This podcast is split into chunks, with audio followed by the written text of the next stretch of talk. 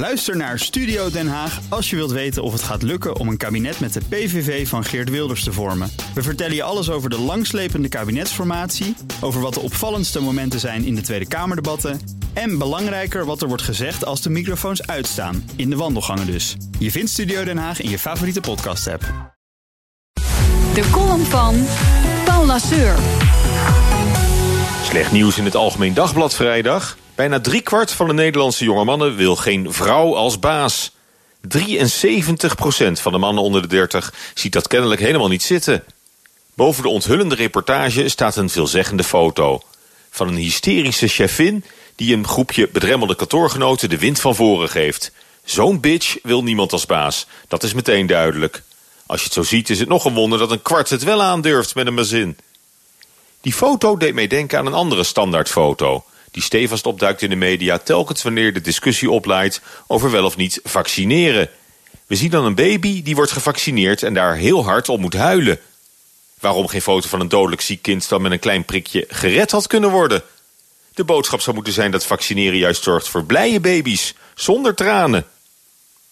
Op precies diezelfde manier doet het AD nu vrolijk mee aan de stereotypering van vrouwelijke leidinggevenden. Niet alleen met die belachelijke foto trouwens, maar met het hele onderzoek. Want het is vragen naar de bekende weg.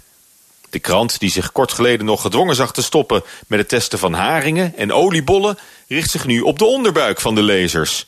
Het verbaast me helemaal niets dat er in de gemiddelde voetbalkantine van Nederland... zo gedacht wordt over de baas. Helemaal als het een vrouw is. Terwijl wetenschappelijk onderzoek intussen onomstotelijk aantoont... dat organisaties gebaat zijn bij meer diversiteit. Zowel in de boardroom als op de werkvloer. Onlangs nog bleek dat een team van chirurgen... dat uitsluitend uit mannen bestaat... beduidend slechter presteert dan een gemengde ploeg. Je zal maar op die operatietafel liggen. Dan is het toch wel fijn om te weten dat artsen in harmonie opereren. Op de zaak is dat niet anders. We moeten streven naar de juiste mix van kwaliteiten.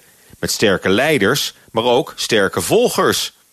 Als iedereen de baas wil zijn, gaat veel energie verloren aan interne machtsstrijd en conflicten... Allemaal energie die je beter kunt bundelen om als team sterker naar buiten te treden.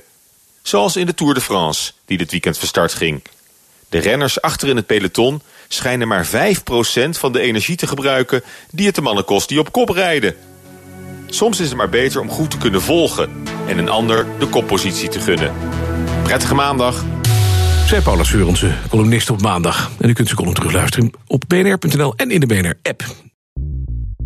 Bij BNR ben je altijd als eerste op de hoogte van het laatste nieuws. Luister dagelijks live via internet. Bas van Werven. En heel langzaam komt de zon op rond dit tijdstip. Je krijgt inzicht in de dag die komt op BNR, het Binnenhof in Nederland en de rest van de wereld. De Ochtendspits. Voor de beste start van je werkdag. Blijf scherp en mis niets.